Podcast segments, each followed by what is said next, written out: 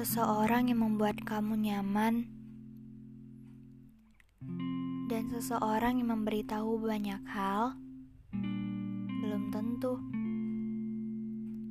Dia belum tentu bisa dijadikan sebuah rumah. Terkadang hati mau bertindak seenaknya, menyuruh kita secara tidak sadar menjadikan seseorang sebagai rumah, sebagai tempat berpulang, dan sebagai tempat berkeluh kesah. Tapi kenyataannya, hati selalu saja salah. Ia hanya bisa dijadikan tempat peristirahatan ketika memulai perjalanan yang panjang,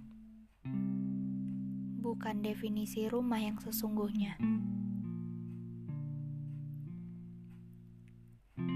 Dia yang selama ini saya kira rumah, tapi nyatanya tidak. Ya, dia memang memberikan kenyamanan. Dia memang memberitahu saya banyak hal. Tapi semua itu gak cukup. Rumah yang saya maksud di sini bukan hanya itu. Definisinya masih banyak lagi.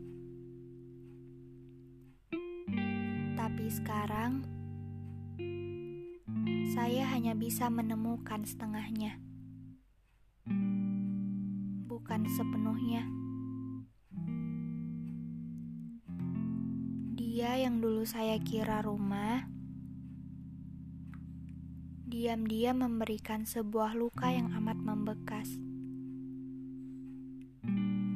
Luka yang membuat saya jatuh ke dalam jurang yang dalam. Dan buat keluar dari jurang itu juga gak mudah.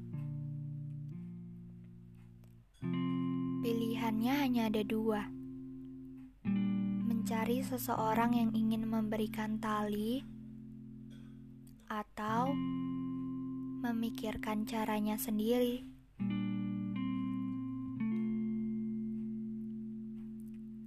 Sekarang saya sadar sadar bahwa menjadikan ia sebuah rumah itu adalah pemikiran yang salah. Dan sudah semestinya saya pergi dari rumah yang lama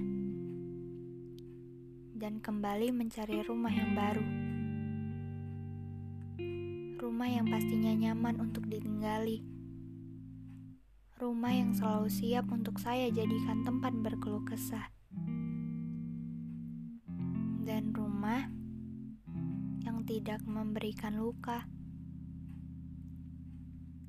karena itulah definisi rumah yang sesungguhnya.